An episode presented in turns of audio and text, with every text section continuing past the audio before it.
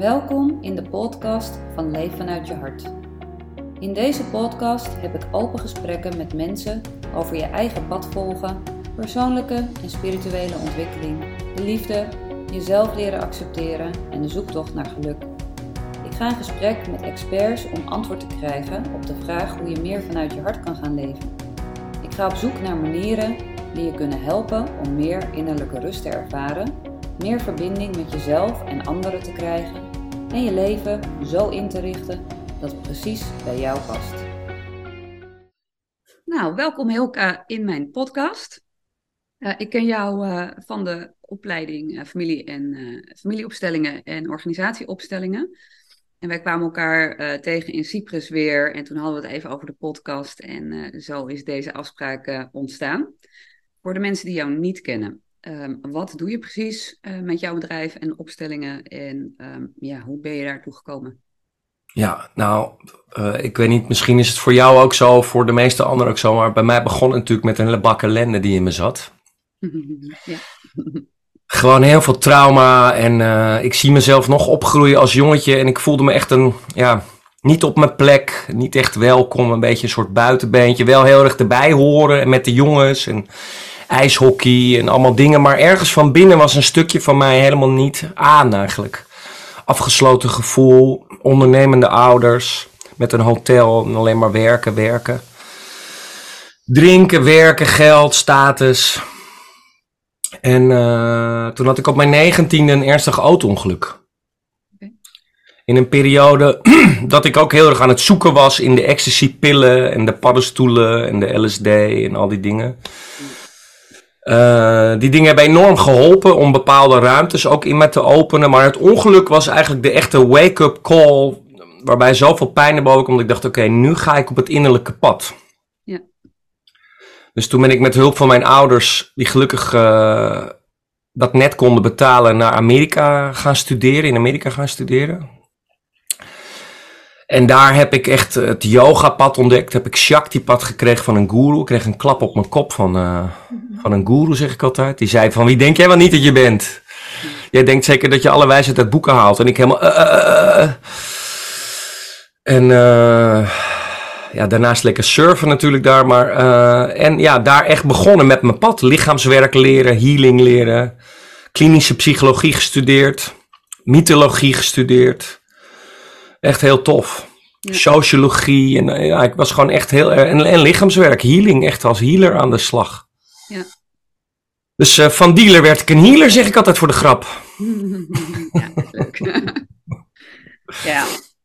Nee, mooi. En um, wat, wat kwam er dan naar boven, bijvoorbeeld bij dat, bij dat ongeluk? Wat voor pijn is het? Nou, ik zal nooit vergeten dat ik tien jaar na dat ongeluk mijn allereerste opstelling deed. Mm. Dus dat ongeluk was zeg maar 19, uh, 1990. En uh, toen deed ik mijn allereerste opstelling zeg maar in 1998. 99.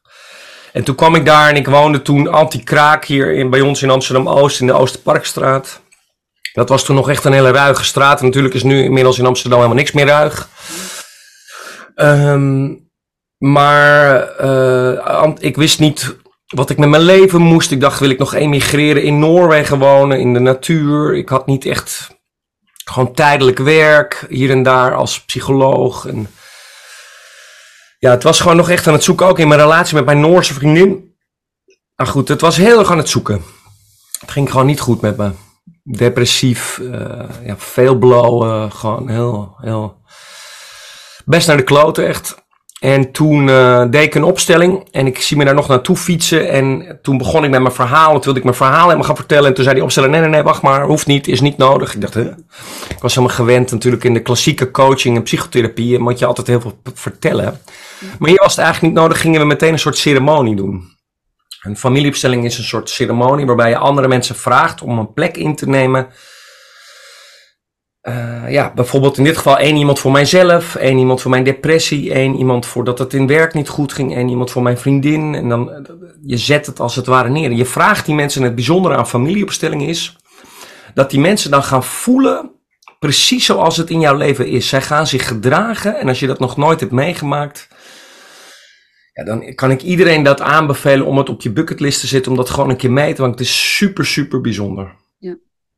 Want je krijgt een soort representatie van dat wat van binnen in jou leeft. Daarom heet, noemen we die mensen ook representanten. En eh, ja, binnen de kortste keren was ik, su- moest ik huilen en ik, ik huil nooit. Hè. Ik kom uit Friesland, ik bedoel, ik ben een Friese jongen en wij huilen nooit. Hè. Snap je? Ik bedoel, bij ons... Is dat nu wel anders? Ja. En eh, ja, ik huil wel. Ik kan wel goed huilen. Jij hebt natuurlijk echte tranen je- en je hebt een soort dramatranen. Het Ja. is een beetje verschil. Maar ik, eh, toch huil ik nog steeds niet veel. Niet, nee, ik ben, eh, ben wel gevoelig, maar ook wel heel erg. Ja. ja. Maar goed, in die opstelling wat heel belangrijk was, is dat er stapje voor stapje zo dus eerst mijn hier en nu situatie, vervolgens mijn vader en moeder. En toen zag je dat mijn vader ook naar de grond soort zat te kijken, heel depressievig. En mijn vader en mijn ouders drinken heel veel. Ja, in hun bourgeoise wereld drinkt iedereen heel veel en doet iedereen net dat dat de gewoonste zaak van de wereld is. Iedere dag twee flessen wijn opdrinken. Maar goed, ik denk dat dat alcoholisme heet. Maar goed, maakt niet uit. Maar is helemaal geen oordeel erover, maar wees dan eerlijk erover dat je alcohol gebruikt om te vluchten van de realiteit. Ja, maar goed, ik, eh, ik woon hier in het Gooi, daar gaan ze ook om twaalf uur al met een wijntje zitten. Ik, eh, Ja, Het is zo'n gewoonte voor, voor nou ja, de mensen, eh, maar daar hoef je niet over te beginnen hoor. Van, hé, hey, wat wil je nu niet voelen? Ja, Ja.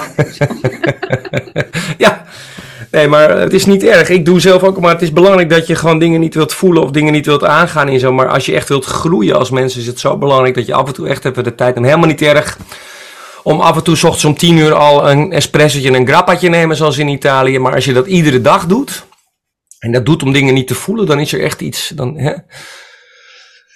Dus alles zo in, op zijn plek en zijn tijd. En het is heel belangrijk ik denk dat deze wereld meer dan ooit mensen nodig heeft die echt durven en kunnen voelen.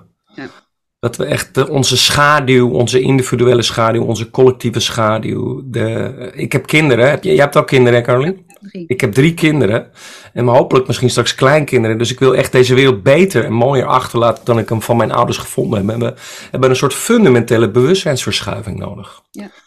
Nou goed, even terug naar die opstelling, want dat geeft dan een heel mooi beeld voor de luisteraar wat het dan is. Dus mijn vader, die representant van mijn vader, die stond daar helemaal verdrietig. Mijn moeder, en toen zag je echt dat, toen gingen heel langzaam die gevoelens die ik dacht dat in mij zaten, waar ik last van heb en heb, had, hè, dat ging als het ware stapje voor stapje naar de. Mijn vader bleek ook me zo te voelen zoals ik me voelde. Dus ik had die gevoelens als het ware overgenomen van mijn vader. En toen in één keer vroeg hij van, nou, is er nog iets gebeurd? Toen kwam in één keer, oh ja, mijn grootmoeder zeg. Want inmiddels lag ook dat ongeluk wat ik had gehad. En dat jongetje van het ongeluk hadden we inmiddels ook opgesteld. Want ik dacht, het gaat over dat ongeluk, dat ik me daar nog schuldig over voel. Maar het bleek dat er veel meer andere. Wacht even, ik moet even niet hoor. bleek dat er nog veel meer overgenomen gevoelens waren. Want mijn grootmoeder bleek, die we toen ook op gingen stellen, mijn Beppe. Die bleek op haar broertje te moeten passen. Dat kwam in één keer kwam dat verhaal gewoon intuïtief naar boven. Mijn, mijn grootmoeder moest op haar, op haar kleine broertje passen en die is toen verdronken. Moet je je voorstellen, je moet op je kleine broertje passen. En die, jij bent 12 of 13 of 14 of weet ik veel wat, 15 en die is, die is weet ik veel 4, 5 en die verdrinkt dan. Ja, dat is intens. En ook in die tijd werd daar waarschijnlijk niet over gesproken. Dus dan draag je dat je leven lang mee. Ja, klopt. Ja. Ja.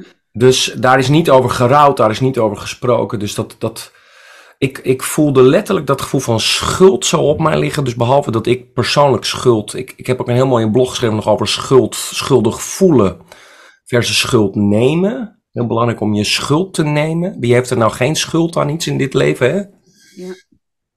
Want schuldig voelen is vaak een manier om toch nog in die slachtoffer te blijven. Een soort van, en ik voelde zo gedurende die opstelling, terwijl steeds meer die mensen erbij kwamen als een soort ritueel. Dat letterlijk die energie, die emotie zo uit mij ging en ik letterlijk rechter en rechter en rechterop begon te zitten. Krachter in mijn kracht kwam te zitten. Mezelf begon te voelen. Alsof letterlijk ja, een grote bal van energie, van overgenomen gevoelens uit mijn familielijn uit mij gingen. Nou, dat vond ik zo fantastisch. dat ik in die tijd zat ik ook in Duitsland in een lichaamsgerichte psychotherapiegroep. Ik ben van huis uit klinisch psycholoog. Heb in Leiden klinische psychologie gestudeerd. Stage gelopen in de psychiatrie, et cetera, et cetera. Ben daarnaast gaan specialiseren in de lichaamsgerichte psychotherapie. Omdat ik ook natuurlijk aan yoga deed en mediteerde. Daarna later ook nog het shamanistische pad met allemaal ayahuasca en paddenstoelen en al die dingen. Dat vond ik ook lekker. Dat ken ik natuurlijk al vanuit de party scene. Dus ik dacht, oh, dat is een makkelijke brug. Hè? Wel op een hele andere manier dan in de party scene natuurlijk. En uh, ja, zo is voor mij dat pad steeds dieper en dieper en dieper. En als je nou aan me vraagt, Hielke, wat is nou de bottom line als je dit 25 jaar doet? Nou, dan kan ik je vertellen, de pijn is niet weg. Sterker nog, hoe meer je op dit pad gaat, hoe meer je bewust wordt van de ellende en de pijn in jezelf en in de wereld om je heen. Want je wordt steeds gevoeliger. Ja, ja zeker. Dus bij de ontwikkeling van dit pad word je wel steeds gevoeliger, maar het is steeds belangrijker. Je wordt ook steeds krachtiger om met die gevoeligheid om te gaan. Je wordt ook steeds uitgesprokener, je ziet steeds meer. Maar om nou te zeggen dat de pijn van de wereld minder wordt, dat is niet zo. Maar dat is ook een fundamenteel principe van deze wereld dat het gaat over dat we af en toe onze pijn en ons lijden leren dragen, zeg maar. Ja. En dat we dat gebruiken als inspiratiebron. Ja, maar ook daarin, ja, je ervaart het meer, je voelt het meer. Maar er komt ook een shift op een gegeven moment. Je hoeft er niet wat mee. Weet je, op het moment dat jij voelt dat je er wat mee moet, zit er iets in jou wat daarop resoneert. En wat ja, klopt. Als je het, inderdaad, dat is heel mooi gezegd, Caroline. Dat is heel, heel scherp van je, mooi. Ik heb natuurlijk jaren in therapie gezeten ook, daarvoor.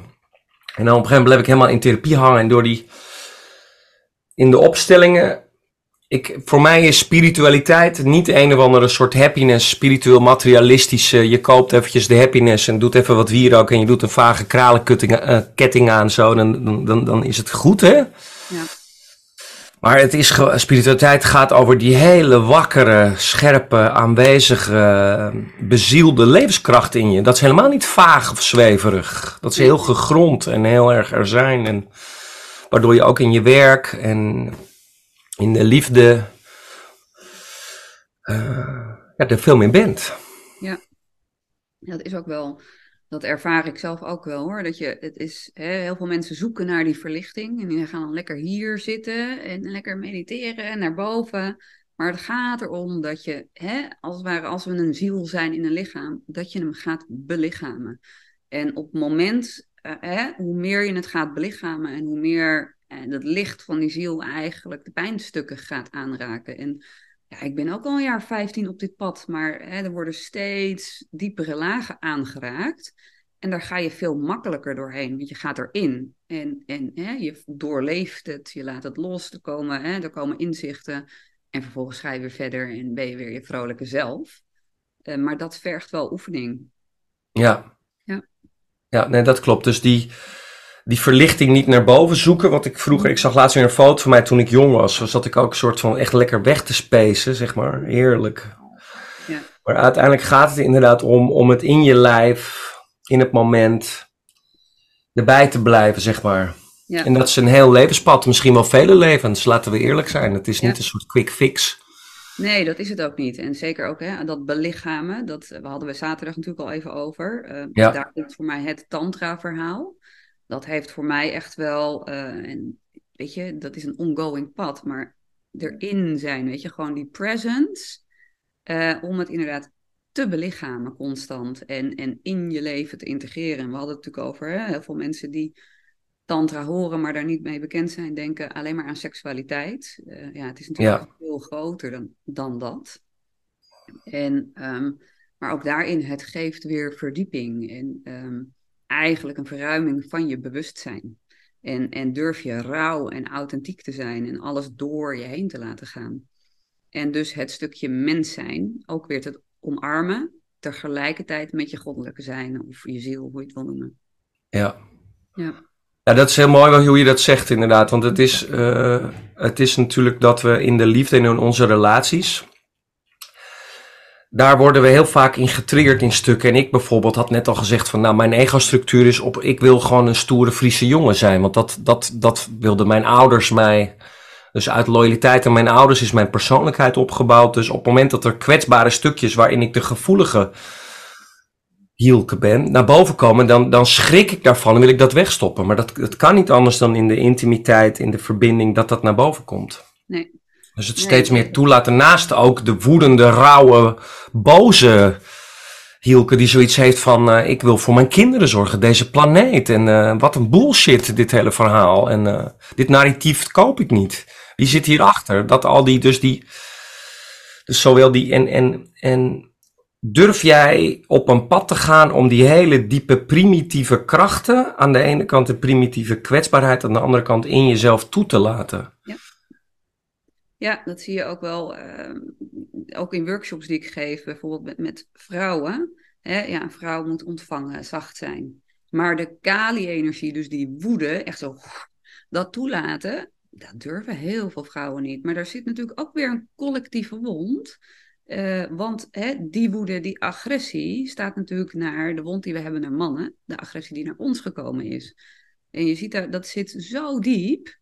Ja. Hoe, uh, hoe, ervaar jij dat met, je, met opstellingen of, of ja. in contact met vrouwen? Nou, ik heb net afgelopen, uh, misschien als opstapjes mooi, eh, afgelopen uh, tien dagen geleden, twee weken geleden, had ik mijn verdiepingsgroep. Mm -hmm. Dat zijn de mensen die al de introductieworkshops of de retraite gedaan hebben. De jaartraining gedaan hebben en dan na de jaartraining heb ik een verdiepingsgroep waarbij we heel diep persoonlijke werk doen, heel veel persoonlijke opstellingen. En dat was zo mooi. Hebben heel erg gekeken naar de collectieve vrouwenwond. Mm -hmm. Nou, wat heel belangrijk is, in al die 25 jaar dat ik nu op dit pad ben en die, dat ik opstellingen doe, zie ik eigenlijk structureel dat alle vrouwen, niemand uitgezonderd, allemaal misbruik, verkrachting, onderdrukking in hun vrouwenlijn hebben. Ja. Heel veel vrouwen hebben het ook persoonlijk meegemaakt, maar als ze het niet persoonlijk hebben meegemaakt, gelukkig maar, heeft hun moeder of hun grootmoeder of hun overgrootmoeder of hun bedovergrootmoeder enzovoort ook in het werken met ziekte bijvoorbeeld. Ik heb ook een tijd lang heel veel met um, uh, kanker mogen werken. Met vrouwen met borstkanker, met vrouwen met baarmoederhalskanker. Met... Ja, nou, waar manifesteert zich dat? En dan zie je dat die hele, precies, fijn dat je het heel moedig durft te zeggen. Dus dan zie je dat door, die, e door de eeuwen heen, als je niet luistert naar wat jouw cellen jou wil vertellen, verliezen ze dus hun richting. Ja. Wat niet betekent dat je daar schuld aan hebt. Het is meer die, een soort die boodschap wil door jouw lichaam heen zo naar de wereld komen. Dat is alleen maar alleen de hele gevoelige, mooie men, mooie zielen, zeg maar, verlaten ons eerder altijd. Hè? Als je gewoon heel veel werk te doen hebt, moet je hier heel lang blijven. Hè? En als je eerder weg mag, bij wijze van spreken. Hè? Ja, ja. Dus dood is ook zeker niet iets om tegen te vechten, maar juist om te omarmen en te gebruiken als grote inspiratiebron. Mhm. Ja, zeker. Ja, heel mooi. En um, als je dan kijkt naar de mannen, wat, wat zie je daar in de opstellingen voor collectieve wond terugkomen? Nou, bij de man, ten eerste is het heel belangrijk dat de mannen, wij zijn natuurlijk in de bovenstroom heel snel weer bij witte mannen zijn, en terecht trouwens, wij zijn natuurlijk in de bovenstroom heel snel de aangewezen dader in deze tijd. Hè? Dat is ook zo. Hè? Wij witte, Nederlandse, Europese mannen hebben natuurlijk ook goed huis gehouden. Ja. Maar het is heel belangrijk dat je dan ook in je kracht gaat staan. Want als andere mensen, andere mensen op de andere kant van de wereld diezelfde wapens en kracht hadden gehad, hadden ze ons wel veroverd, bij wijze van spreken. Ja. Al moet je wel zien dat wij belanken, de renaissance, er is geen periode in de geschiedenis geweest die zo'n grote geweldspiraal heeft gekend dan de onze.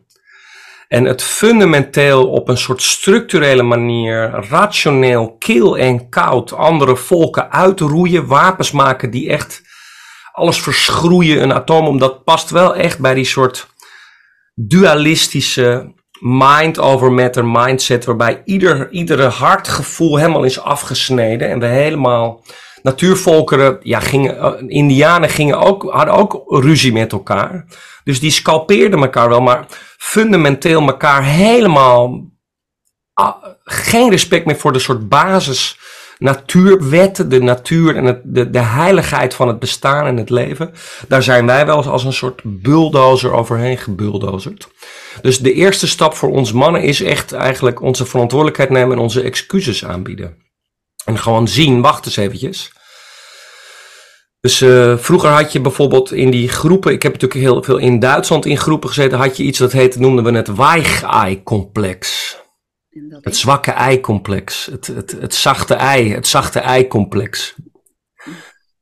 Dat waren soort Duitse softe mannen die je dan in die Osho Tantra zien, zeg maar, een beetje dan. Ha, ha, ik, biodanza mannen noem ik dat altijd, hè? Een soort. Ha, ha.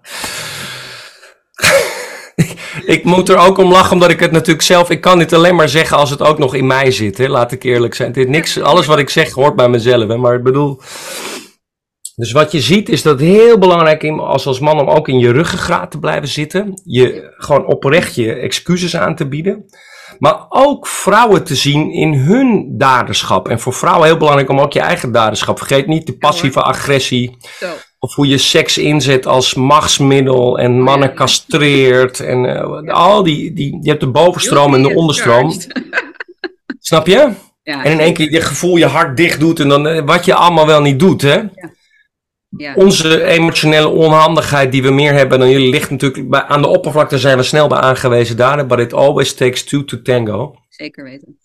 En ik ben heel trots om te kunnen vertellen dat ik in al die jaren heel veel vrouwen heb mogen begeleiden en mannen, mannen en vrouwen mogen begeleiden in mijn jaartrainingen die je dan gedurende de jaren dat ze met me meegelopen hebben, je ziet ze gewoon al die trauma's stapje voor stapje helen. Ja. En hele krachtige Kali-krachten worden. De vrouwen zijn niet meer bang om hun liefde en hun seksualiteit te leven. Ook al zijn ze zelf misbruikt door een broer.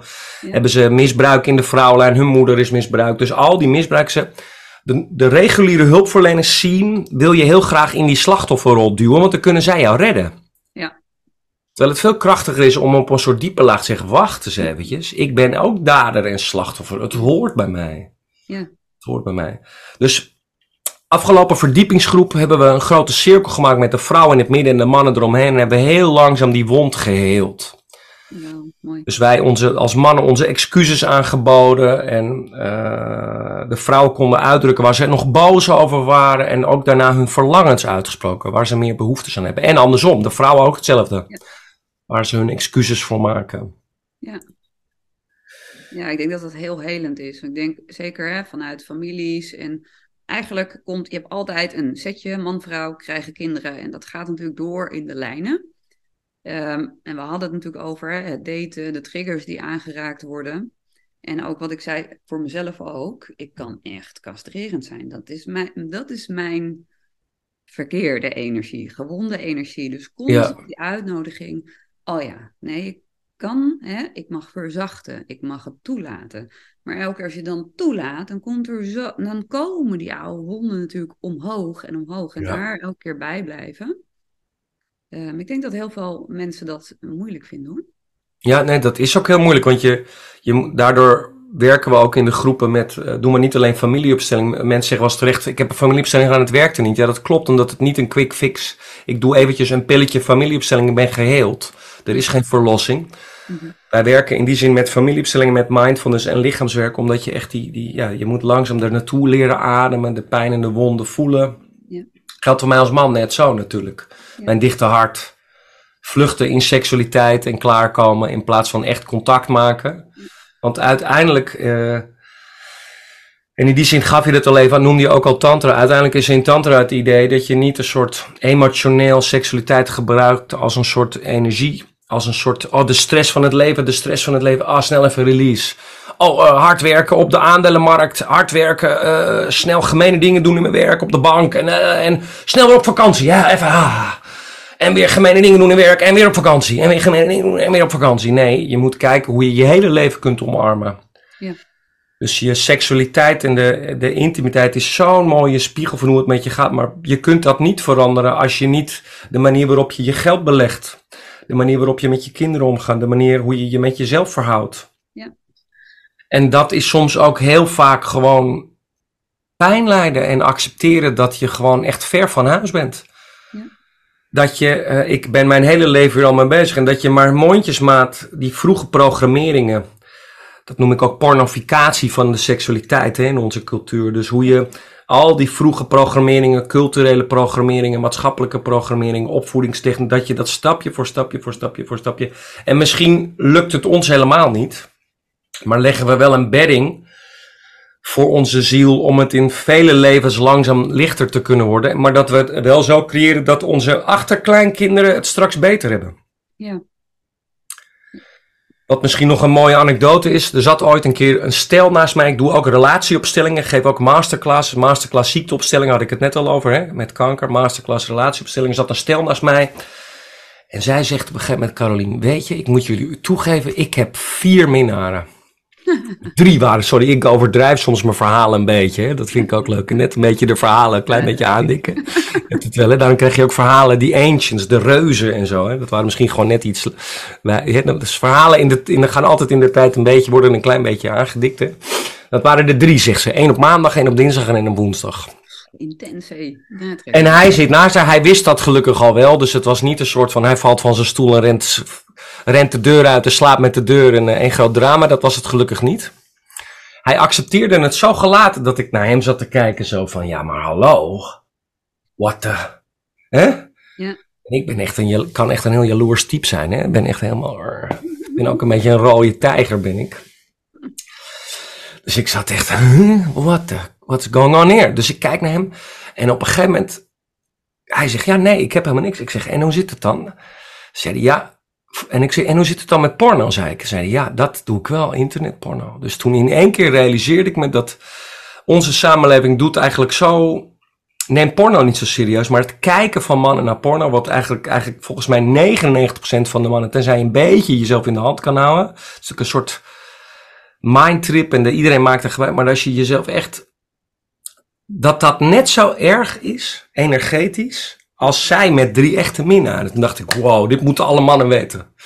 Ja, maar dat is ook, weet je, als je alleen al kijkt op het wetenschappelijk niveau hoeveel dopamine er aangemaakt wordt. Ja. Toevallig was ik laatst ook een podcast aan het luisteren van een seksuologe en die zegt ook, ja, weet je, dan hoor je dus dat de man geen zin meer heeft en er geen plezier meer uit had. Nee, die kijkt dagelijks porno.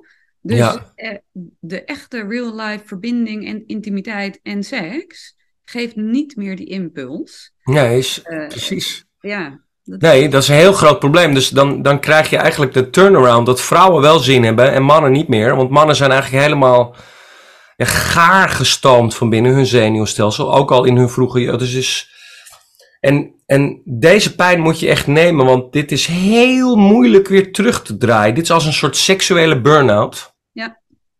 Ja. En uh, en daarom, uh, heel belangrijk in de sector is slappe piemels, zeg, zeg ik altijd. Hè? Dus probeer hem weer die. En dat is niet alleen voor de mannen fijn, maar ook voor de vrouwen heel fijn. Want vrouwen zijn vaak te snel genomen door een soort. Je ziet in de baarmoedermond bij de vrouwen dan echt diepe wonden, trauma's, waardoor die baar letterlijk eelt in de baarmoedermond. En het is natuurlijk heel leuk. Ik zeg helemaal niet dat je dat niet moet doen. Het is heel leuk om te genieten van die hete wilde seksualiteit. Maar als je daar alleen maar dat doet, die route, dan uiteindelijk is die, dat, dat lijkt natuurlijk niet, dat, daar zit natuurlijk in een piek heeft in een dal. Ja, ja. Dus, dus dat, dat vallei-orgasme verhaal is wel echt een dingetje. Als je, en met name als je wat ouder wordt. Als je jong bent kan je het nog een beetje volhouden zo. Maar het beste is wel heel jong dat leren. Dat je, want als je al wat, ja, als je al jong in die programmering komt, zoals in dit geval ik of andere mannen van mijn generatie, dan, al hadden we vroeger nog gelukkig nog geen internet, hadden we alleen nog de VHS-bandjes natuurlijk. Als 16-jarige gingen we natuurlijk met vriendjes stiekem dat kijken. Je weet hoe dat ging. Maar... Dus uh, ja, de, de, en die ontkoppeling eigenlijk van liefde en seksualiteit. Je noemde net ook al, het, het, is soms voor mij heel storend, want ik, ik doe al 15 jaar een heel serieus boeddhistisch tantrapad, zoals dat heet. Ja. Maar dat heeft echt helemaal niks met seksualiteit te maken. Tantra betekent eigenlijk de transformatie van energie. Van, uh, dat je bewustzijn verandert. Dat je werkt aan het transformeren van je bewustzijn. Dat je werkt aan het bewustzijn van dat je een ziel bent. Dat je je levens, je, je, je, je eerdere levens gaat leren onthouden. Dat je groeit in dat bewustzijn, in die, die reis naar binnen. Dat heeft maar een heel, heel, heel klein beetje met seksualiteit. In de zin van seksuele energie. Maar eigenlijk voor 99% is Tantra dat innerlijke pad. Ja, maar je ziet wel heel erg hè, de onderdrukking hier in eh, eh, de westerse maatschappij. Waarom is er hier zoveel neo-tantra en dus gericht op de seksualiteit? Omdat er ja. veel trauma zit, wat geheeld mag uh, worden. Zeker. Zowel bij mannen als vrouwen. Dus um, ik vind het ook niet zo gek dat dat de boventoon voert bij de meeste uh, nou ja, uh, ja. scholen. Uh, maar ik heb ook heel bewust gekozen voor het klassieke tantra. Dat je echt het energetische en met meditaties en um, Ja, heb ik ook voor gekozen. Ik ben zelf in de leer geweest bij Michael en Diana Richardson in Zwitserland. Die ooit nog uit de Osho-school komen. Ook heel klassiek, heel veilig. Geen partnerruil. Geen, voor mij zijn die veel, die neo-tantra-scholen zijn toch weer eigenlijk de... Ik snap het wel, het is een soort tegenreactie tegen toch de moraliteit die er is. Dat snap ik wel in onze cultuur, wat je ook aangeeft. Hè? Maar uh, ja, de diepere wonden hebben vooral heel veel veiligheid en rust en ontspanning. En ja, take it easy. Ja. Wees lief. Ja. Probeer juist je hart te vinden, zeg maar. Ja, daar gaat en dan van je hart naar beneden. Ja. Of van beneden met een man naar boven. Maar als zodra het al naar boven... Ik zal nooit vergeten mijn allereerste tantra-oefening. Dat je wel de energie wakker maakt beneden. Maar dat die dan de kundalini naar boven gaat door mijn buik. Nou, je wil niet weten wat voor, wat voor gevoelens ik allemaal in mijn buik heb opgeslagen. En hoe hard mijn buik normaal altijd is. Ik weet niet, heb ik bedoel, is jouw buik het zacht? Mijn buik is tegenwoordig meestal zacht. Maar vroeger ook niet hoor. Zeker met ademsessies. Dus dan ging het douwen. Oh god. Heel... Uh... Ja, dan heb ik eerst behoefte om te gaan schreeuwen, zeg maar. Van de pijn en het verdriet en het missen van mijn moeder. Want de daar zit natuurlijk mijn moederthema's. Ja. Vroeger moeder-kindbinding. Ja. Want daar zit natuurlijk de navelstreng.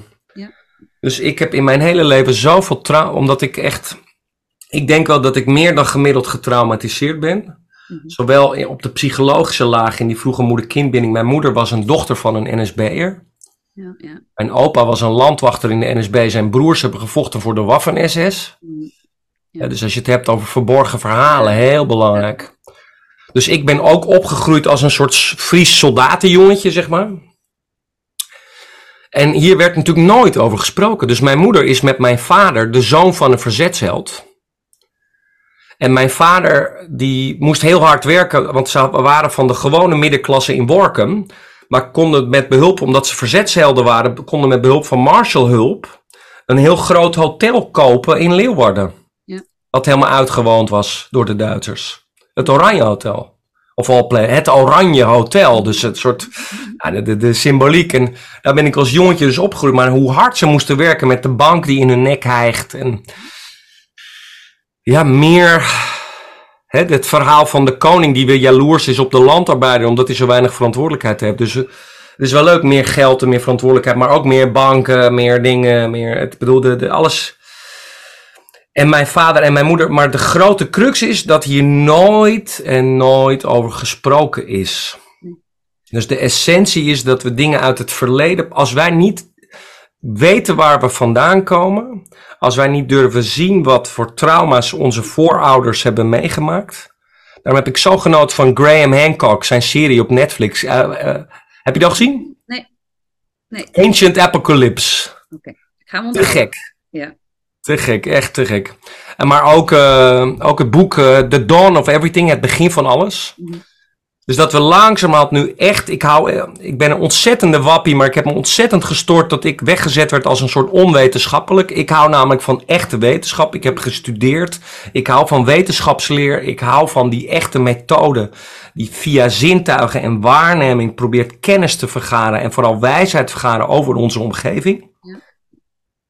Maar niet als een soort middel om, weet ik veel, de bevolking dom te houden. Een soort populaire wetenschap, snap je maar echt? Ja, de diepere lagen. Maar het is voor mensen, ik vind het nu heel fijn dat de kwantumfysica en kwantummechanica spiritualiteit gaan bevestigen. Um, omdat, weet je, mensen kunnen het niet, je kan het niet uitleggen. Dingen moeten voelbaar zijn. Maar ik zie dat bij mijn sessies ook. Je zegt, hè, het ongezien of de verborgen verhalen. Um, ik, uh, ik, ik, werk ook met de methodiek van Maarten Oversier. Dus het regressie-reïncarnatieverhaal. En dan heb je dus één op één dat de oma of de opa doorkomt, of overgrootoma. En de trauma's die er zitten. En um, ja, bizar, maar dat je gewoon alleen door één zo'n sessie te doen, hebben mensen zo'n shift in, in de klachten die ze hebben. Ja, ik vind dat heel bijzonder. Dat is natuurlijk, hè, en ook de combinatie met familieopstellingen is eigenlijk precies hetzelfde. Het systemisch werk en de voorouderlijke shit uh, helen en aan het licht laten komen. Want het wil gezien worden. Het verborgen verhaal wil erkend worden dat het er mag zijn, zodat het uh, losgelaten kan worden. In ieder geval, zo zie ik het. Ja, nee, zo. Als ik naar mijn eigen proces kijk, dan eh, heb ik nog steeds heel veel thema's. Heb ik nog steeds, ben ik nog steeds, maar ik ben vergeleken bij mensen die mij ook van vroeger kennen. Ik ben echt geaard. Mhm. Eh, terwijl ik vroeger echt van God los was. Ik was echt, ja, ik weet niet, ik denk dat ik niet meer geleefd zou hebben. Nee. Dat ik mezelf wel aan de drugs of de drank of motorrijden of... En nu heb ik veel meer gewoon een soort natuurlijke zelfzorg. Mijn verslavingen zijn eigenlijk weg. Ik kan gewoon kiezen. Ik heb nog wel af en toe een beetje een soort oraal ietsje, maar het is echt meer een soort natuurlijk opgelost. Omdat ik die diepere emotionele pijn door al die lagen heen gegaan ben. En het was niet een jaartje investeren of een sessietje of een. Het was meer, als ik nu omkijk, die afgelopen 25 jaar daarvoor kiezen, zeg maar. Mhm. Stapje Ja, voor stapje Elke voor keer stapje. blijven kiezen. En, eh, Ja, daarvoor kiezen. Oké vinden op het moment dat je even die stap terug doet. Want op het moment Ja. dat je een diepe laag aangaat, kan dat ook, weet je, dit effect krijgen. Omdat er. Ja, Dan gaat het open en dan klapt het daarna weer dicht. Zo. Ja, en laat dat dichtklappen er ook even zijn, want dan gaat die langzaam weer open. En dat is de integratietijd. Dat, dat, die geef ik ook Ja. aan mensen. Ja, dat is de reden dat ik zelf eigenlijk ook de laatste jaren minder ben van de psychedelica. En zo vroeger wel heel veel. Ik heb heel veel ayahuasca gedaan en paddenstoelen en al die dingen. Omdat ik eigenlijk steeds gevoeliger geworden ben dat ik meer... Ik ben nu meer van de meditatie en het rustig. Het in- ik ga nu net zo diep in meditatie, wat me eigenlijk beter integreert in mijn dagelijks leven dan ik vroeger met de psychedelica had. Ik denk nog steeds dat het een heel mooi pad is. Je kan het aan iedereen aanbevelen binnen de juiste set en setting. Ik zou eerst met paddenstoelen beginnen en als je dat drie keer overleefd hebt, dan een stapje naar ayahuasca maken. Maar zorg dat je wel al wat innerlijk werk gedaan hebt, want het is een soort de klep van het al je shit in één keer openzetten. Mhm. En als je dat niet gedaan hebt, dan, dan komt er zoveel shit naar boven. Dat is wel, eh, ja, dat moet je wel kunnen dragen, zeg maar. Ja, dat is het ook. En dat is gewoon het pad, stapje voor stapje. Als je, je, als je in één keer openknalt, dan schiet je over het randje, knal je Op, psychose. eh, opknallen en dan weer, gaat daarna weer meer dicht. Dus Ja. het kan wel heel handig zijn om als je goed dicht, als je nu zo dicht zit, om daar met behulp van die middeltjes wat olie in te doen, dat het wat losser gaat zitten. Dat is natuurlijk waar het voor bedoeld is. Ja. En dat het dan langzaam open gaat. Maar wees, ja, wees zelfzorg en liefde en aandacht en ja. Ja. Stapje voor stapje voor stapje. Ja, en ehm, nou, als ik terugkijk, hè, als we bijvoorbeeld, eh, je zegt ook, eh, ik ben veel meer geaard, ik, hè, ik ben eh, meer in het nu, ik Ja. kan mezelf beter dragen. Ja. Dat zijn de dingen waar je zelf nog tegenaan loopt. Ehm, ik ben toevallig na mijn verdiepingsgroep afgelopen maandag en dinsdag, Mhm. vorige week maandag en dinsdag, ben ik zelf op retret geweest. En dan ga ik op een plek naar een klein Tibetaans-boeddhistisch kloostertje waar een deur zit. En na, die dan ga je door zo'n deur en dan zijn er allemaal individuele kamertjes. En na die deur wordt eigenlijk niet meer gesproken. Ze brengen alleen drie keer per dag kloppen ze op je deur en dan staat er een treetje met je eten voor de deur. Ja. Dus dan ben je helemaal alleen. Heel in de verte hoor je af en toe iemand een keer dat er iets, maar verder ben je helemaal in je eentje, in een kamertje, zonder telefoon, al die dingen. Ja. En eh, dan kom je wel even jezelf tegen, je weerstand. En dan, dan doe ik oefeningen, dat heet de non-draw, heet dat. Dat is de soort basisoefening in het, boeddhi- het Tibetaans boeddhisme. Dus dan doe je prostraties, dan doe je... En het gaat niet zozeer om de religieuze aspecten, die heb ik eruit, maar gewoon om het doen van een oefening om je lot te accepteren, zoals in opstellingen, je pijn. En ik ben zo van huis uit geschrokken en getraumatiseerd dat ik, mijn energie helemaal teruggetrokken is, zo gedissocieerd heet dat. Een beetje soort van, oeh, een beetje bang van het leven zo nog. Van heel jong als klein babytje, hè? die vroege moeder-kind in de baarmoeder. Dus voor mij om dan uit te reiken iedere keer weer naar het leven. En dat voelen zo. Niet die oefeningen te doen als een soort opdracht. Maar dat echt zo met mijn lichaam en spreken. En dan helemaal uit te reiken naar het goddelijke als oefeningen na. Dan kom ik mezelf wel tegen hoor. Ja. Ook omdat ik in een van mijn allerlaatste opstellingen. Ik, ik doe zelfs soms in de groepen nog wel een opstelling voor. Dus dan zeg ik altijd: ik drink een half kopje. Om even het voor te doen. Ja. En dan zag je mijn moeder zitten nog. En die, die was gewoon niet in staat uit te reiken, zeg maar. Want ondanks dat mijn grootouders aan mijn moeders kant dus NSB'ers waren en bij de Waffen-SS gevochten hebben, bleek toen ik mijn allereerste workshop ging geven in Berlijn, een paar jaar geleden, landde ik zo met het vliegtuig in Berlijn zo. En toen mocht je je telefoon weer aanzetten. En toen krijg je zo, eh, uw resultaten zijn bekend van mijn DNA-onderzoek. hè. En toen eh, was in één keer zo de moederlijn, de mitochondrial DNA, dus van mijn moeder, mijn moeder, mijn moeder, mijn moeder. En toen bleek dat ik gewoon Joods bloed heb, zeg. Dat ik gewoon uit een, mijn moeder een Joodse moederlijn heb. Dus dat ergens mijn bed, bed, bed, bed, bed overgrootmoeder een Joodse overgrootmoeder was. Ja, bijzonder, maar ook heel tegenstrijdig ergens. eh. Ja, en wat vooral het pijnlijke is dus dat die voorouderlijn helemaal is weggestopt. Dus dat ergens in het verleden mijn, mijn bed, bed, bed overgrootmoeder haar hele geschiedenis van Jood zijn en haar geloof en haar achtergrond helemaal heeft weggestopt. En dit bleek veel meer voor te komen. In Nederland helemaal en in Duitsland. Veel meer mensen hebben dat. En ik bleek een Keltische mannenlijn te hebben.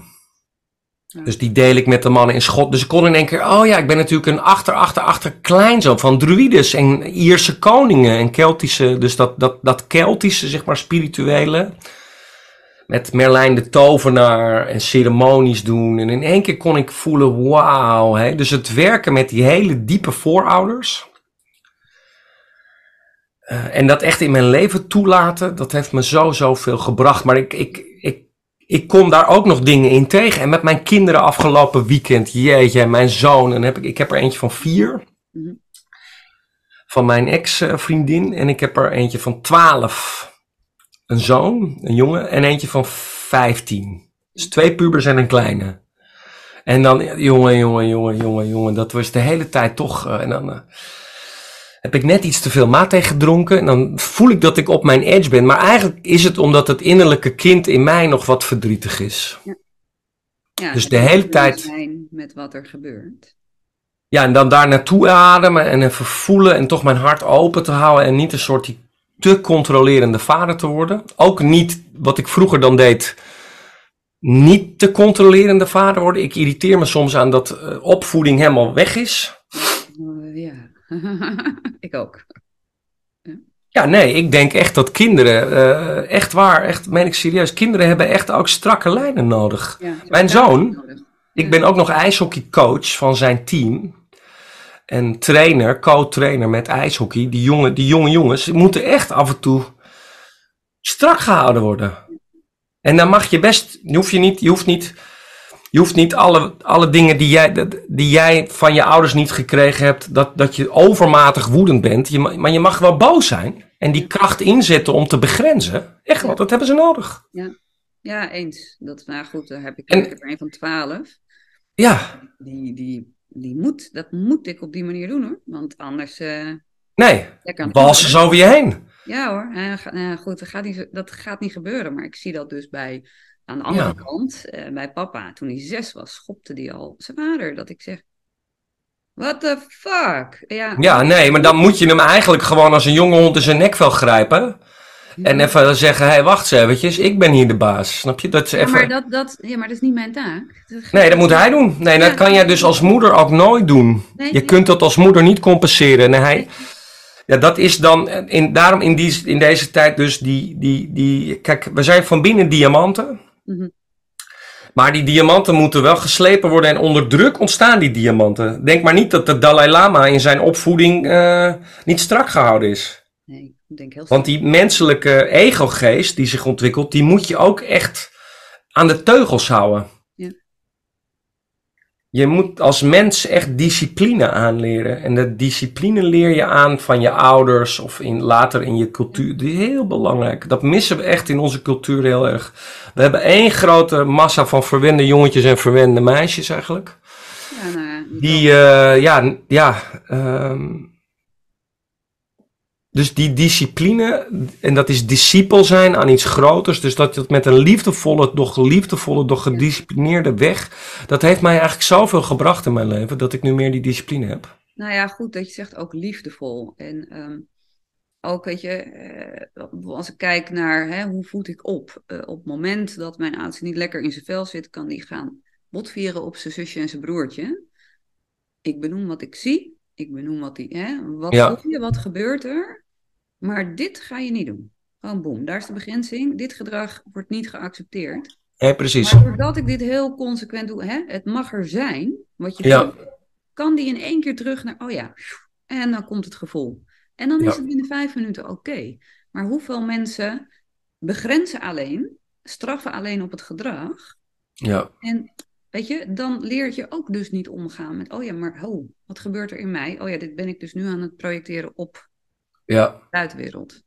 Dus Ja, dat, en daar heeft ook dat innerlijke proces waar we het nu de hele tijd over gehad hebben, Caroline, ook heel veel werk in. Ja. Dus het, ehm, wat je ziet is dat eh, als ik bijvoorbeeld, een, ik ben een mama's zoontje, hè, en je hebt dan, eh, vrouwen zijn dan papa's meisjes. Mhm. Het is heel belangrijk dat je als vrouw langzaam van papa's meisje weer terug gaat naar je moeder, zeg maar. En als jongen in mijn geval heeft het me heel veel gebracht om weer terug te gaan naar vader. Dus ik, ik kan er nu ook echt zijn voor mijn zoon, zeg maar. Als steunbron. Mhm. En ik kan ook mijn, in die zin mijn dochtertje loslaten en haar terug naar haar moeder laten gaan, zeg maar. Ja. Dat ze dat. En daar, dat, dat. Dus het hele van je eigen. Je ziet, dat, je ziet in opstellingen dat alle problemen met kinderen 100% terugspiegelen naar jouw eigen problemen als kind met jouw ouders. En de problemen van jouw ouders met je grootouders. Mhm. Dus problemen met kinderen spiegelen 100% terug naar jezelf. Het is heel belangrijk om daarin naar jezelf te kijken. Dat helpt om die problemen met kinderen eigenlijk te doen oplossen. zeg maar. Ja, ja, En je moet goed genoeg zijn. Vergis je niet dat problemen horen bij het leven. Je hebt in die zin gewoon echt lijden. Je hebt, je hebt gewoon lijden. Je moet goed genoeg zijn Ja. als ouder. Je hoeft niet perfect te zijn. Nou, gaat niemand Je mag ook gewoon jezelf zijn met al je, eh, jouw persoonlijkheid, met al zijn voordelen en al zijn. Ze hebben vooral jou gewoon nodig wie jij bent. Ja. Dus eh, pas alsjeblieft geen allerlei boekjes, strategieën toe die niet bij jou passen. Als jij gewoon een wat, ja, wees gewoon jezelf, zo eerlijk mogelijk. Ze voelen jou toch wel onder de gordel. Ja, zeker.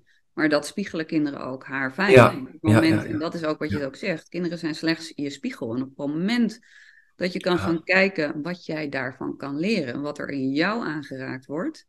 Ja, dan, dan ga je A, als persoon ook groeien. Maar dan ga je ook zien dat de hele verbinding en het gedrag van je kind gaat veranderen. Omdat je hem naar binnen kijkt. Omdat je verantwoordelijkheid neemt. Wat zit er nog in mij? Ja. Ja. En, ook En dan heb je dus, voor mij zijn relatieopstellingen het doen van opstellingen met stellen. Dus of relatieopstellingen doen met je ex. Dus te kijken naar de dynamiek, dat is ook weer heel goed voor de kinderen. Hè? Dus welke diepere dynamiek speelt er tussen ons? Kan je, dat zou ik zo graag aan alle mediators willen leren. Hè? Ja. Dus dat je eigenlijk in de onderstroom eigenlijk de dingen heelt, zodat die, die- al die gedoe met advocaten en scheiding en al die dingen, dat dat voor de kinderen goed op kan lossen. Mhm. Moet je wel allebei willen, dat natuurlijk. En je ziet altijd dat kinderen, als ze 100% de ouders terugspiegelen, spiegelen ze ook 100% de, de dynamiek in de relatie terug. Ja. Dat jij als moeder ook echt je zoon naar, als die dan puber is, dan moet je als moeder, ook al is jouw ex nog zo'n puntje puntje, vind jij, je moet gewoon jouw zoon naar jouw ex-man toesturen, zeg maar. Ja, Het is een maar- hele mooie film over zo'n jongen met een paard en zijn vader in een manege. Ik ben even de naam vergeten op Netflix was dat of op iTunes. Over een jongen met een paard. Nou goed, die, die, die vader is echt een beetje een mafkees die bij een manege woont. En die moeder zoiets van, oh my god. Maar die, die jongen ontspoort helemaal. En dan dropt ze hem gewoon bij zijn vader met al zijn spullen. Want hij is gewoon helemaal ontspoord. ja, succes ermee. Ja, succes ermee. Is jouw Ja. zoon, alsjeblieft. Dat is zo mooi. Ja, maar je kan als moeder ook niet. Ik heb dat in het huwelijk natuurlijk wel gedaan. Dan ga je overcompenseren. Dan ben je natuurlijk vier mensen aan het dragen. Ja, Eh, maar echt met de scheiding ook. Dat je elke keer die stap terug doet. Nee. Ze zijn nu bij jou, zoek het uit. En ook naar de kinderen toe communiceert. Weet je? Kijk, ik zeg, heb Ja. je het aan papa gevraagd? Heb je dit gedeeld? Nee, dan heb je dat te doen daar. Eh, ook daarin, ik hoef dat niet op te lossen, weet je. Maar dat je de verhouding ehm, weer in balans gaat brengen. Ja, ik heb zo, geniet daar zo van, ook van vader zijn met mijn kinderen. Ik vind dat echt heel leuk. Dat is, vind ik een voordeel van eh, alleenstaande vader zijn nu, dat ik dus meer nog mijn aandacht, ik door mijn vroege trauma's en dingen vind ik het soms heel moeilijk om heel goed bij mezelf te blijven in een relatie. Mhm. Het lukt me wel steeds beter nu. Maar ik vind het heel fijn om dus ook alleen mijn lijn, mijn vaderlijn. En dat, dat, dat, dat geniet daar echt van. Het is soms ook veel, maar ook in dat veel. Ja, ik, ik, eh, ik denk dat je beter je kinderen goed kunt opvoeden dan te proberen een goede coach te zijn, zeg maar. Het is natuurlijk ook heel fijn om een goede coach te zijn, maar ik denk dat je, je het irriteert mij soms ook dat onze samenleving zogenaamd dan zo ontwikkeld en welvarend is, maar dat dan vrouwen voor hetzelfde geld wat de, de kinderopvang kost, of de, dat ze dan hetzelfde geld verdienen wat dat kost. Ik denk dat jonge kinderen echt hun moeder nodig hebben, hele jonge kinderen. Ik denk echt niet dat je baby's naar de dagopvang moet sturen. Nee, nee, Daarin laten opstellingen- Kinderen eigenlijk tot drie jaar horen bij de moeder gewoon. En eigenlijk zou het heel mooi zijn als ze ook nog borstvoeding zouden kunnen. Als dat niet lukt. En ik snap heel goed onze samenleving. Ik ben ook heel blij dat vrouwen hun verantwoordelijkheid, als in de Vikings, dat vrouwen ook hun maatschappelijk hun, hun mannetje staan. Ik denk ook dat de maatschappij veel meer open moet zijn. Dat vrouwen al borstvoeding gevend ook leiding moeten kunnen geven aan de samenleving. Dat dat ook in de Tweede Kamer moet, moet kunnen. Dat je ook in drie dagen in de week in het parlement moet kunnen zitten. Snap je? Dat je ook als moeder. Hoe moeilijk is het nou om even te stemmen? Snap je? Ik bedoel. Je- maar goed, ik, ik denk echt dat die borstvoeding en die vroege moeder-kindbinding. Daar zouden we echt op moeten investeren. In plaats van wat voor wapens dan ook maar waar naartoe te sturen of die te maken of wat dan ook. Ik denk Ja, dat dat helemaal heel belangrijk eens. is. Ik heb eh, ooit tijdens mijn studie in de kinderopvang eh, gewerkt. Ja. En kwam daar een babytje van drie maanden. En, en Nee, ik heb ook in de kinderopvang gewerkt met al die baby's van drie maanden. Ik weet het. ja, heftig. Kindjes van één. Nee, heftig hoor. Heftig Maar hoor. En die moeders vijf dagen in de week werken. Hè. Die baby's werden dan vijf dagen in de week daar gebracht. Van pff, hier in Amsterdam. Ik had het ook. Ik dacht ook, wow, hé. Dus ik Heftig, heb, eh, echtig. Nou ja, het heeft mij er wel, weet je, door dat te zien, voordat ik ooit kinderen had, heb ik besloten, ik ben thuis. Ik heb ook echt 24-7, de eerste totdat de jongste naar de peuterspeelzaal ging, ben ik thuis geweest. Eh, dat is een, echt een investering, want het vraagt ook veel van je. Hey, zeker, dat snap ik helemaal. Ik snap Ja. dat helemaal. Maar het is echt een bewuste keuze, want het voelde voor mij zo niet kloppend. Dat je kind Ja. daar, weet je, eh, die nog geen woorden heeft, die, die zich niet Nee. kan uiten. ehm, Ja, tot drie jaar echt bij moeder, zeg maar. Tot die peuterspeelzaal zo. Die, die langzaam zo, dan langzaam weer naar buiten gaan. Ja. Dat raadt ook de Wereldgezondheidsorganisatie aan. Dat is eigenlijk, en borstvoeding ook. Ja. Heel belangrijk. Ik, ja. Ik, mijn hele generatie van mensen uit de jaren 70 en begin jaren 80, helemaal, allemaal hebben wij dit soort. Dat zijn allemaal van die getraumatiseerde babytjes die eigenlijk voldoende.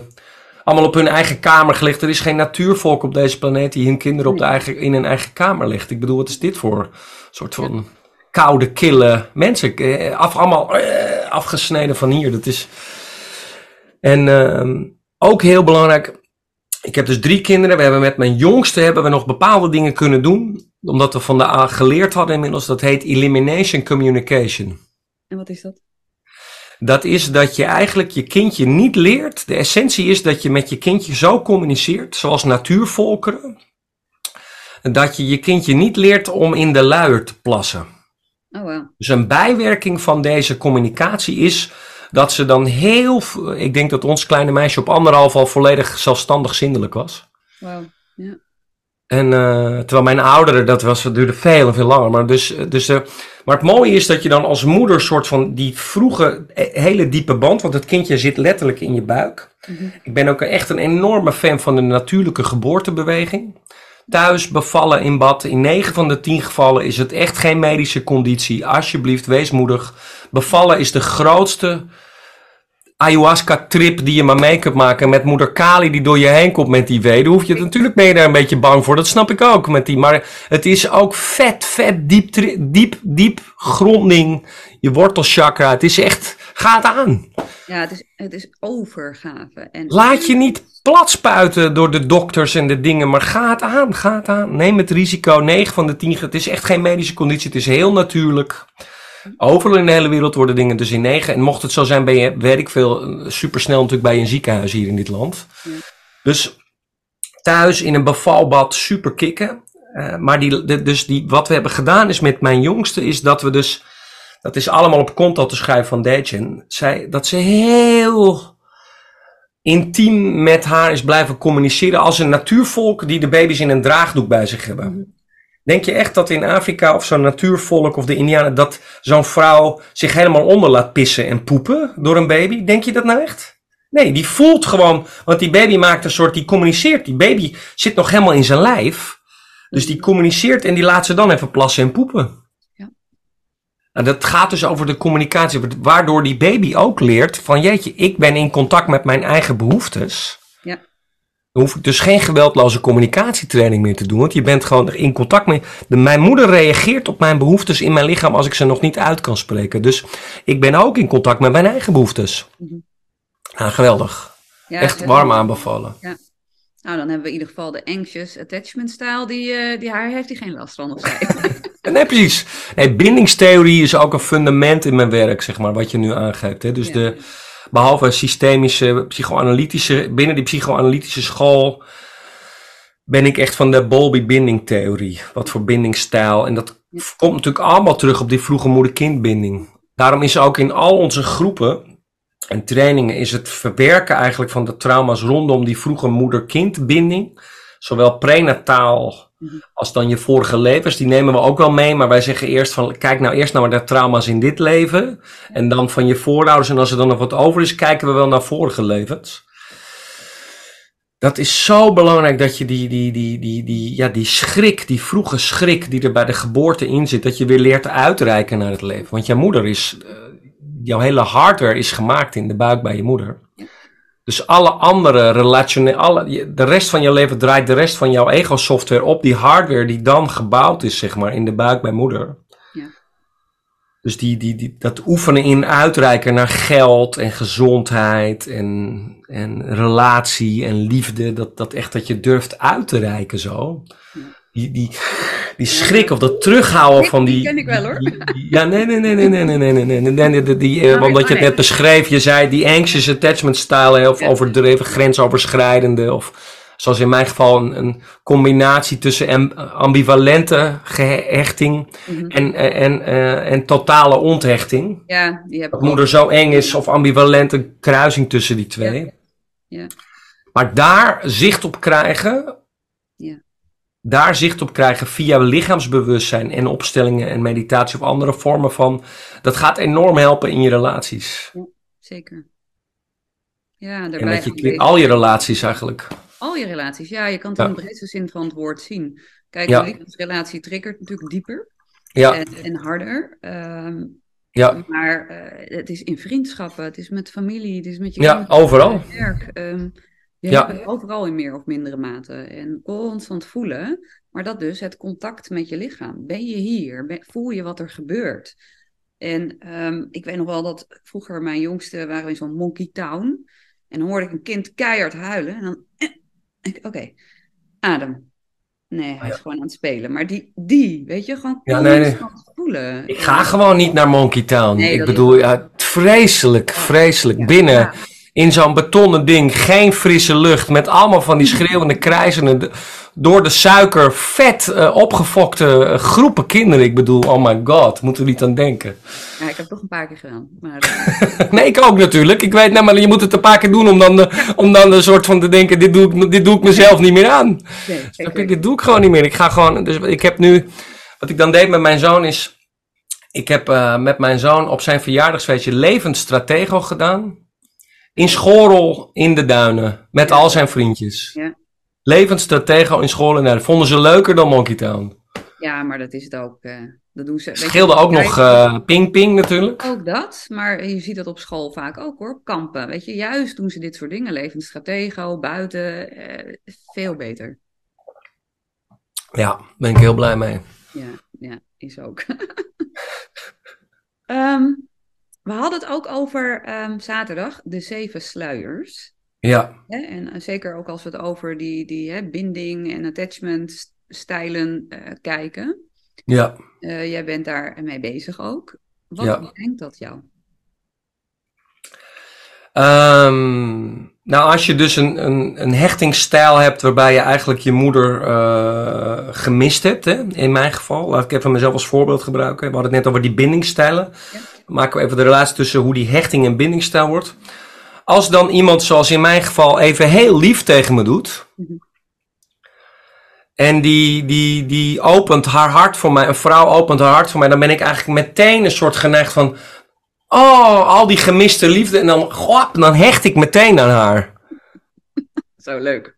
Ja. Zonder dat als een soort zwaankleef aan, als een soort klein koala-beertje, hecht ik als het van binnen, dat, dat hecht ik meteen. Zonder dat ik even, dat ik even wacht eens eventjes. Ja. En dan hoef je niet, ik denk ook niet dat het verstandig is om in de liefde te rationeel te proberen over dingen na te denken. Uh, ik alsjeblieft, want dan worden er helemaal geen kinderen meer geboren straks. Ik bedoel, alsjeblieft, ga ook uh, juist, juist van fouten maken. Of ik bedoel, durf ook gewoon je open te stellen. In mijn geval dan, hè, maar, uh, maar wel, wel handig om dan even zicht te hebben op, oh jee, ik hecht me dus heel snel. En ga daarmee eigenlijk over iets heen van mezelf, wat daarachter blijft. Want in mijn laatste, ik heb heel hard geprobeerd in mijn allerlaatste relatie, die helaas gesneuveld is, na acht jaar. Uh, heel terecht zei zij de hele tijd tegen mij: van ja, Hielke, ik voel dat je niet helemaal ja zegt. Dat had ik in mijn huwelijk nog wel. Dat was ik helemaal. Hè? Maar er is iets wat terughoudt nog. Dus wil ik er helemaal met iemand kunnen zijn, dan moet ik er eerst helemaal met mezelf kunnen zijn. Dus helemaal in jezelf rustig zitten, helemaal dezelf zijn. En dan kan ik pas helemaal ja voelen. Voel ik nu helemaal ja of voel ik ook nog weerstand? Neem de weerstand mee. Het is heel lekker om te vluchten in liefde en klaarkomen en seks als een soort seks en intimiteit en liefde te gebruiken als een soort vluchtroute weg van jezelf. Maar je moet altijd toch weer terug naar jezelf. Ja. Het is leuk even een tripje zo weg, maar de, de, de kater is des te groter. Ja, ik dus heb bewust ook hoor. Ik kan heel snel dit doen. Ja. Dus, oh ja, oké, ik zat er te veel in. Joe, maar dan even die terug naar mezelf. En weet je, dat blijft een uitdaging. Oké, wat voel ik nu? Oh ja. Oh, maar oh. Oh ja, ik weet het eigenlijk ook nog niet. Ja, uh, nee. Maar dat kan pas als ik weer terug bij mezelf ben. Nee, dus die, die zeven sluis vind ik soms ook wat plastisch of wat dingen. Dat, maar het gaat meer over dat je zorgt dat je dus, uh, als jij dus die hechting is, dat jij een soort klapdeur wordt die alleen maar open, die altijd maar ja zegt. Van, oh, iemand doet een beetje lief tegen me. Ah, nou, nee, maar dat je dus terug gaat naar jezelf. Wel, wacht eens eventjes. Want uiteindelijk is de essentie van alle tantra, is dat je de liefde en de levenskracht in jezelf voelt. Hier dat je dus de zon bent. Ja. Dat je in jezelf liefde voelt. Dat je denkt, jeetje, ik hou van deze persoon zoals die is. Mhm. En ik hou van mezelf zoals ik ben. Ja. En ik wil dus mezelf graag delen en geven en nemen in liefde en intimiteit. Omdat ik dat echt kan voelen nu. Het is nu het juiste moment. Nou, dan helpt het wel als je stapje voor stapje voor stapje daar wat. Dat, dan helpt het wel als je ook die als je echt in je lichaam kunt zijn en het, ja, het, het, het, het, helpt wel om daar echt dan stapje voor stapje zo langzaam zo, dat, dat, en dat kan heel snel gaan, maar dat, dat hoef je niet, dat, het is, um, dus aan de ene kant heel mooi, goed om je eigen grenzen denken, maar ook weer oppassen dat je niet een soort zo'n stevig fort van grensbewaking bouwt. Dat zie je ook weer in deze tijd, ook bij jonge mensen, dat je denkt, hé jeetje, er is een enorme toename op de hele planeet eigenlijk. Van jonge mensen die eigenlijk geen intimiteit meer hebben. Uit onderzoeken blijkt dat in Japan bijvoorbeeld alle jonge mensen tot 30, dat 30% van alle jonge mensen tot 30 nog nooit een relatie hebben gehad, fysieke intimiteit hebben oh. gehad. In China hetzelfde eigenlijk. In onze cultuur zie je het ook. Dat komt omdat ons bestaan ook door de de, de toegenomen technologie en afleiding via de telefoon en internet de hele tijd maar aanstaan, eigenlijk online. Wat ook ergens veilig is natuurlijk. Een echte relatie met iemand aanknopen is echt super shit soms ook. Kan je beter online een beetje in de droomwereld leven. Met al die dating apps en al die dingen en filmpjes en dingetjes. En dus we, de, de werkelijke, echt het aangaan in relatie in onze, eigenlijk op de hele planeet. Ja. Is zo, zo, zo belangrijk.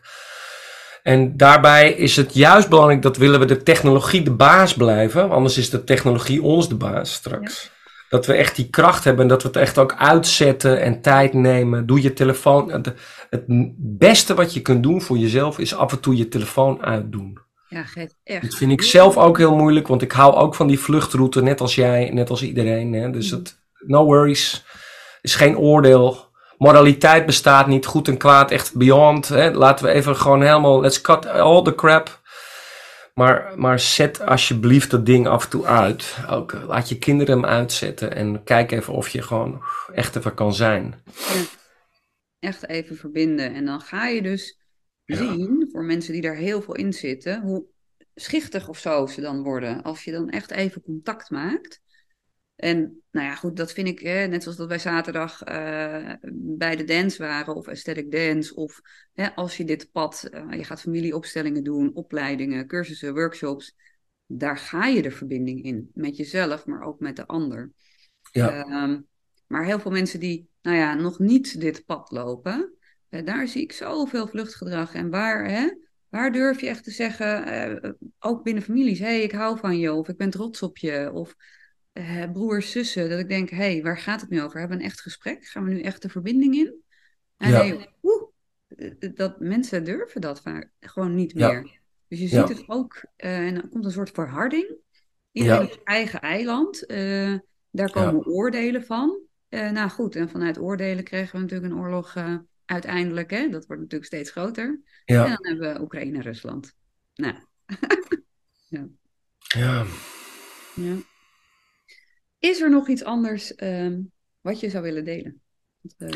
Ja, je noemt het al even oorlog Oekraïne-Rusland. Ik denk dat het heel belangrijk is dat dat wat we in die familieopstellingen zien, dat dat ook op grote schaal tussen stammen en maatschappijen een plek vindt. Naast dat ik relatieopstellingen, ziekteopstellingen, familieopstellingen doe, vind ik een ander deel. Ik doe ook grote maatschappelijke opstellingen. Ik heb ook een maatschappelijke opstelling gedaan ten tijde van de coronacrisis. Mm -hmm. Ik heb er ook een gedaan over de oorlog in de Oekraïne. En dan zie je dat daar wat we noemen collectieve schaduwpatronen. Dus we hebben individuele schaduw en we hebben collectieve schaduw, collectieve trauma's.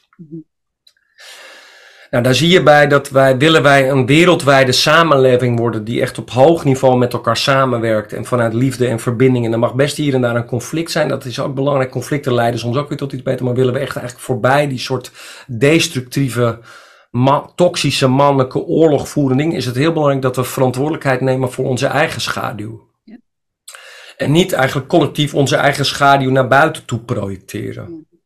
Dus ik wil echt niet zeggen dat Poetin een lievertje is, want die is ook geen lievertje, laten we eerlijk zijn. Maar wij zijn zelf ook echt geen lievertjes. Nee.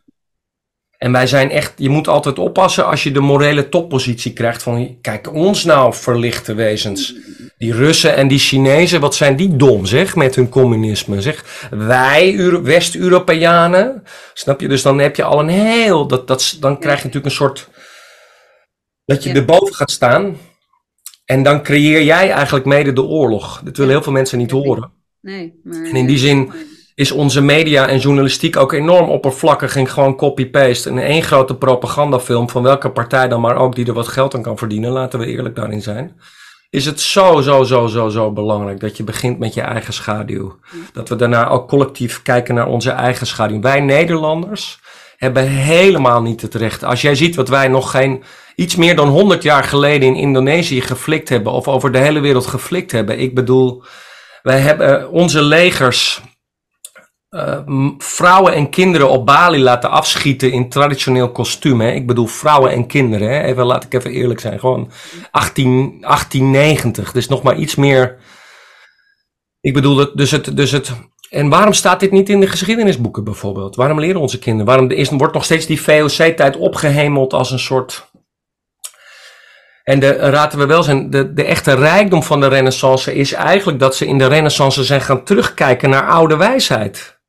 Dus de pre-Socratische Grieken en die oude wijsheid. Kijk naar de wijsheid voor de voorouders. Als we niet leren van het verleden, als wij als mensen niet weten waar we vandaan komen en het verleden bestuderen, kunnen we nooit een gezonde, goede toekomst scheppen. Ook niet maatschappelijk. En kunnen we ook geen vrede met de Russen creëren, kunnen de Oekraïners ook geen vrede met de. Dus dan, ik droom van een wereldwijde samenleving die natuurlijk nog steeds zoeken en conflicten, maar waarbij we werkelijk een verlichte samenleving hebben en we echt met z'n allen. Want het klimaatprobleem, wat eigenlijk meer, denk ik, een biodiversiteitsprobleem is. Dus hoe beschermen we de biodiversiteit op deze planeet? De dieren, de planten. En hoe zorgen we er werkelijk voor dat we als menselijke samenlevingen onze kennis en kunde gebruiken? Want dat is eigenlijk wijsheid, kennis en kunde niet als een soort tovenaarsleerling die maar een soort Frankenstein-monster creëert, zoals nu. Hè? Ja, ja. Dat we die geest weer terug in de fles brengen om werkelijk onze verantwoordelijkheid en wijsheid is namelijk dat je met het hart gaat kijken wat dient het leven, wat dient de natuur. En kunnen we ons lot ook af, in, ten opzichte van de natuur. Waarom zoveel aandacht stoppen in naar andere planeten gaan of proberen de dood te voorkomen of te proberen ziektes te voorkomen, terwijl die ziektes ook alleen maar door de planeet gestuurd worden om de mensheid een boodschap te geven. Dus het is zo, zo, zo belangrijk dat we naar onze eigen schaduw kijken en dat we onszelf bewuster maken. Ik gun dan ook ons land en onze planeet het nieuwe leiderschap. Jonge mensen die voorbij die macht of inclusief die macht vanuit liefdevolle compassie kunnen kijken naar de omgeving. Mooi, helemaal mee eens. Alright, dan uh, ga ik hem hierbij afsluiten en uh, wil ik je heel erg bedanken voor alles wat Ja. je gedeeld hebt. Ja, En eh, binnenkort komt hij op YouTube, Spotify en eh, nou ja, alle andere kanalen. ja, dankjewel Carolien. Ik heb ontzettend genoten van ons gesprek. Helemaal fijn. Zie je snel weer ergens op de dansvloer. Zeker weten. Ja, Alright. Ciao. Dankjewel.